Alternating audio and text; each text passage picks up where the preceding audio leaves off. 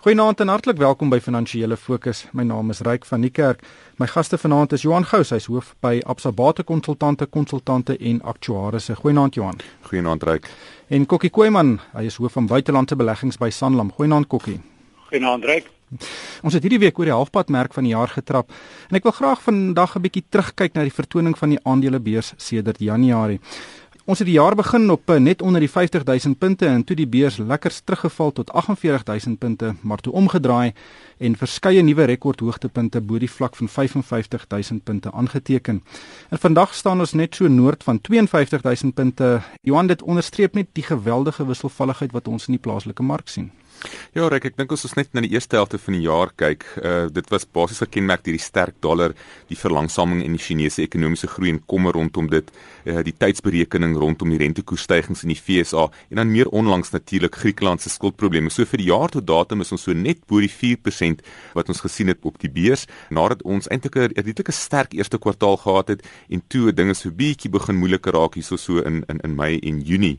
As ons gaan kyk weer eens na die sektore, dan kan ons sien dat die hulp hulpbronne sektor vir die vir die eerste helfte van die jaar maar nog steeds onder druk was die hulpbron sektor so minus 7% vir die eerste 6 maande van die jaar terwyl die finansiële en die industriële sektore 'n positiewe groei van omtrent so 6% gehad het. En die rede natuurlik is nog steeds die feit dat daar is kommer oor die Chinese ekonomiese groei en die vraag na kommoditeite, die sterk dollar wat natuurlik dan afwaartse druk ook op die kommoditeite het en en dan ook natuurlik dan die hele die die die twee kwessies wat Suid-Afrikaanse myne pla en uh, dit gaan maar oor die arbeidssituasie en dan dit ook natuurlik oor die onsekerheid rondom elektrisiteitsvoorsiening. Hmm.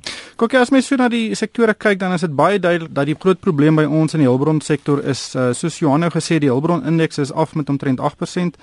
Die goudindeks is af met 13%, platinum is af met 25%. Dit is wesenlike verlagings en dit wys op 'n regte strukturele probleem. Ja, ek meen uh, onthou Ons praat van twee strukturele probleme. Die een is natuurlik onderliggend die wêreldgroei wat wat langsaam is en val China wat wat steeds verlangsaam in terme van sy groeikoers en dit plaas druk op op jou kommoditeitspryse. Maar dieselfde tyd intern binne Suid-Afrika is is die beleidsmaking en die gevolge van van swak beleid in die vorige paar jare begin ons nou vang. Dus uh jy weet binnelandse vertroue is ook baie swak en dit is fascinerend vir my ook omdat jou finansiële sektor bly redelik goed doen. En maar hy's baie duur, maar dit lyk amper of plaaslike beleggers maar die finansiële sektor koop want hy is goedkoop relatief tot tot die ander sektore. Hmm. Um, hoe vergelyk dit met wat in op internasionale markte gebeur? Ja, internasionaal is interessant uh, vir jaar tot datum is eintlik ook maar 'n redelike swak jaar. Ek meen jaar tot datum is is is die Amerikaanse beurs omtrent 1% op. Uh alhoewel die Nasdaq is sê maar 5% op. Uh en natuurlik uh, Japan is 'n sterk mark gewees van jaar. Maar Jy weet ek dink is meer die die geldeenheid wat vir ons uh, natuurlik seer maak want die rand het jaar tot datum al 6% gedaal. Dus in dollar terme het ons beurs eintlik jy het nie so goed gedoen nie eintlik negatief.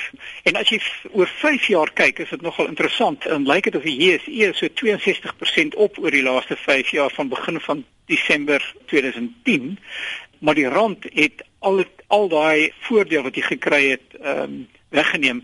En ek dink dit sien jy ook in die JSE dat binne die JSE is dit jou randverskansers wat net baie goed doen wat eintlik maar die vertoning dra.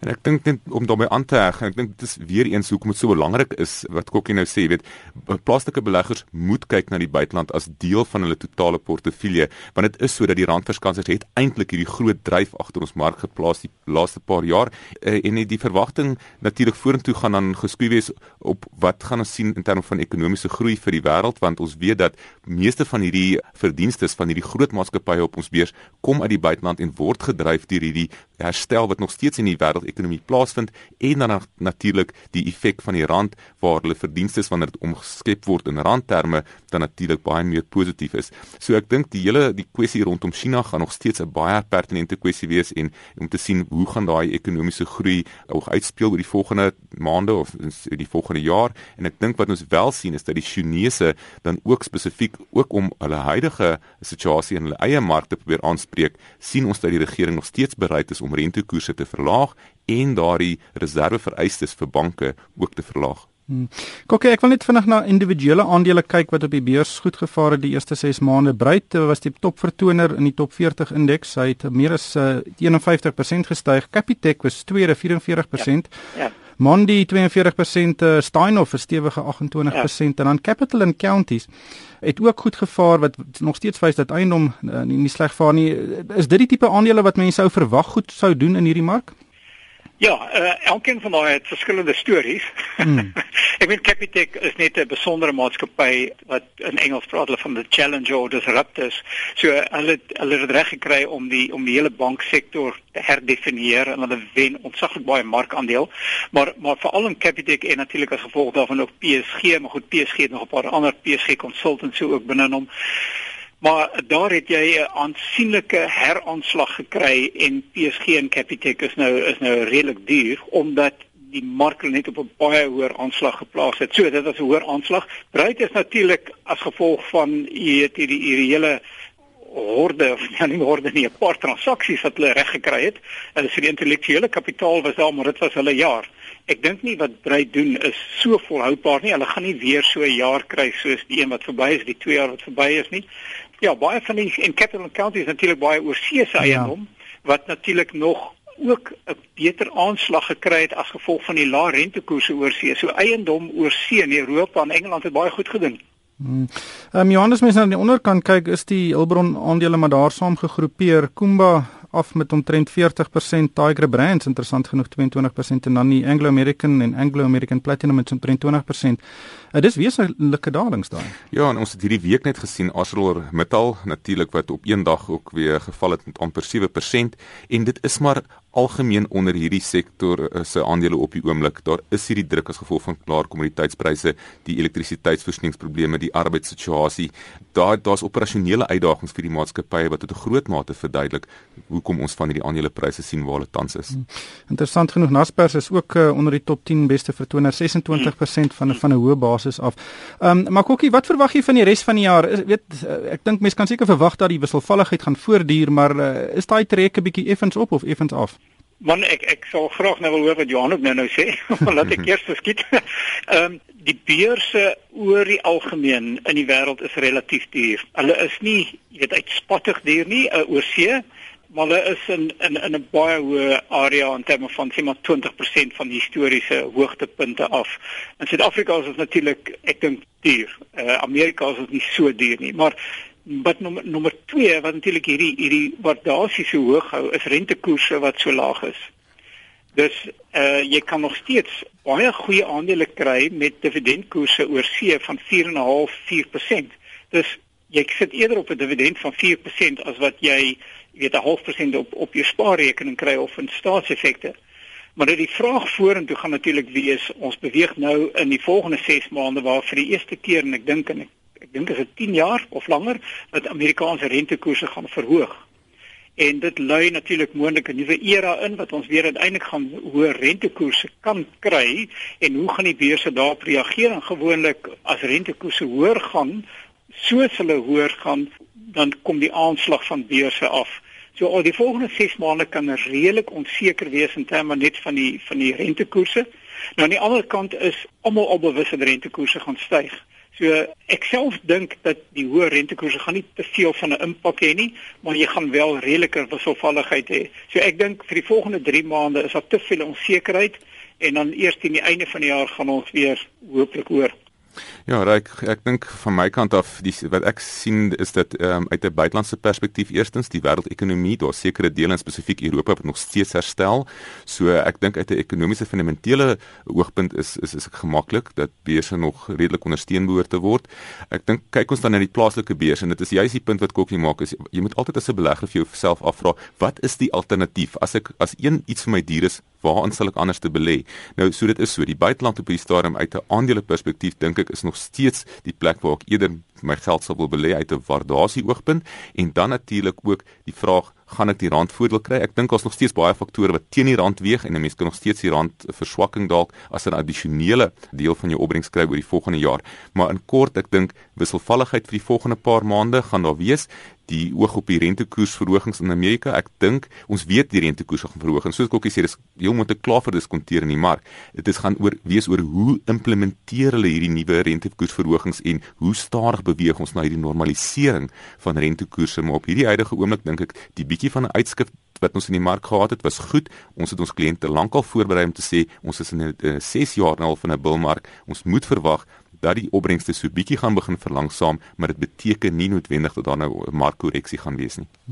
Kokke een een onderwerp wat ons nou nog nie bespreek het nie is Griekeland wat ook 'n impak gaan hê. Die referendum het vandag plaasgevind.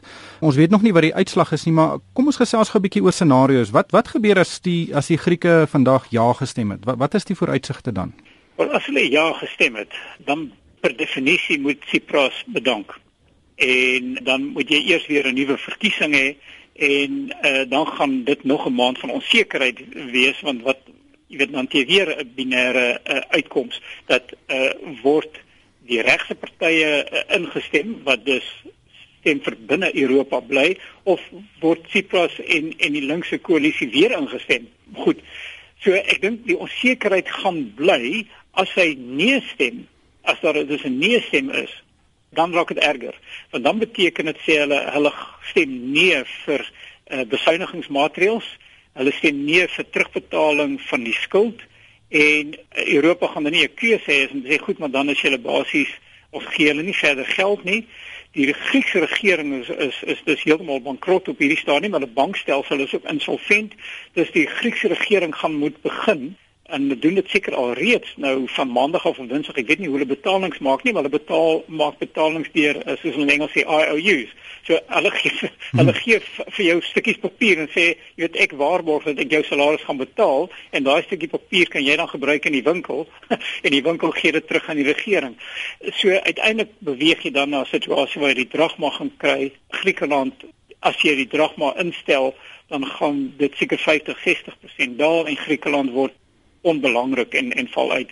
Maar ek dink jy gaan 'n tydjie van onsekerheid hê.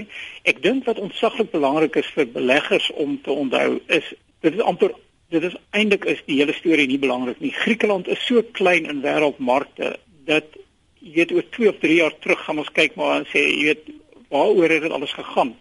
En dit skep onsekerheid, maar dit behoort nie eintlik wêreldgroei baie te beïnvloed nie en so dis 'n goeie kans om kwaliteit maatskappye wat dalk daal te belê. Maar Johan, dis juist die punt daai, weet Griekeland se BBP is 2/3 van Suid-Afrika se hoekom het hulle so groot invloed? Ryk dit is eintlik 2% van die eurozone se se bruto binnelandse produk. So dit is werklik baie klein. Maar ek dink dit gaan hierso oor die deels oor die kommer van 'n domino effek waar sou Griekeland se finansiële stelsel in duie stort wat se effek van van die lande om hulle. En ek dink dit gaan weer eens oor die onsekerheid. Daar's nie duidelikheid rondom presies wat die effek op van die lande om Griekeland gaan wees nie. Ek dink dit gaan vir my baie meer oor die simboliek. En vir my eintlik op hierdie stadium reik wonder ek of as Griekeland eh, half uitgeforseer sou word uit die eurozone en die teken gestuur sou word aan lande wat wel bereid was om wel van die uh, veranderinge in die ekonomie aan te bring en 'n skuldsituasie aan te spreek of dit nie positief sal wees om te sê, jy weet, ons gaan nie aanhou om net lande wat nie hulle kant bring nie die hele tyd te ondersteun in terme van hulle finansiële situasie nie.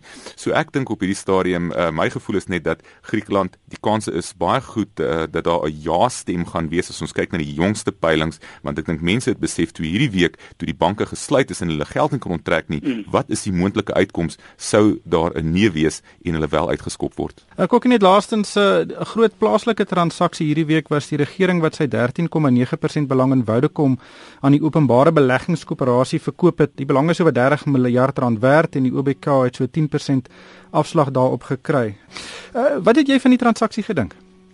Vir Suid-Afrika is dit is natuurlik gaan jy baie lank vry hieroor en is is amper tyd vir elke glasie rooiwyn oopmaak en ou so 'n glasie rooiwyn hier ook kan drink want verkoop die regering eintlik nou 'n goeie bate om die geld te gebruik om Eskom te ondersteun. En dit is nou maklike geld vir Eskom, jy dwing nie Eskom om die harde besluite te maak nie. Maar in die kort termyn is dit goed. Dit beteken dus dat ons nie elektrisiteitsverhoging kry nie, daar word kapitaal gevind vir Eskom, maar jy verkoop wel oor 10 jaar gaan jy terugkyk en sê jy's maar kyk wat is voor kom nou werd en ons het daai geld in Eskom ingedruk. Maar die transaksie self is 'n baie kritiek op in die sin dat hulle kon 'n beter prys gekry het as hulle dit meer in die mark gevra het vir vir markdeelnemers om ook deel te neem en sou dan meer beleggers gewees het wat belang gestel het, maar goed, hulle wou die transaksie baie vinnig afhandel. Ek dink verder is op Vodacom self het dit nie eintlik 'n effek nie. Hmm. Johan? Ja, ek dink dit is maar net 'n baie vinnige manier om gou toegang te kry tot geld. Ek dink meneer Nene het aangedui dat hy gaan probeer om die fiskus nie onder verdere druk te plaas terwyl die regering antwoorde soek vir hoe hulle hierdie 225 miljard rand se skuld probleem van Eskom gaan probeer oplos nie. Die wenners op die einde van die dag was die OBK se beleggers wat 'n goeie belegging teen 'n 10% afslag gekry het. En ek ek dink tog belangrik ryk is miskien die feit dat die verhouding tussen Vodacom en OBK as 'n belegger is op hierdie stadium daarmee op 'n slegte plek nie. Ongelukkig hierdie tyd ons ingehaal. Baie dankie aan Johan Gous van Absa en Kokkie Kooiman van Sanlam en van my ryk van die kerk. Dankie vir die saamluister en ek hoop almal het 'n winsgewende week.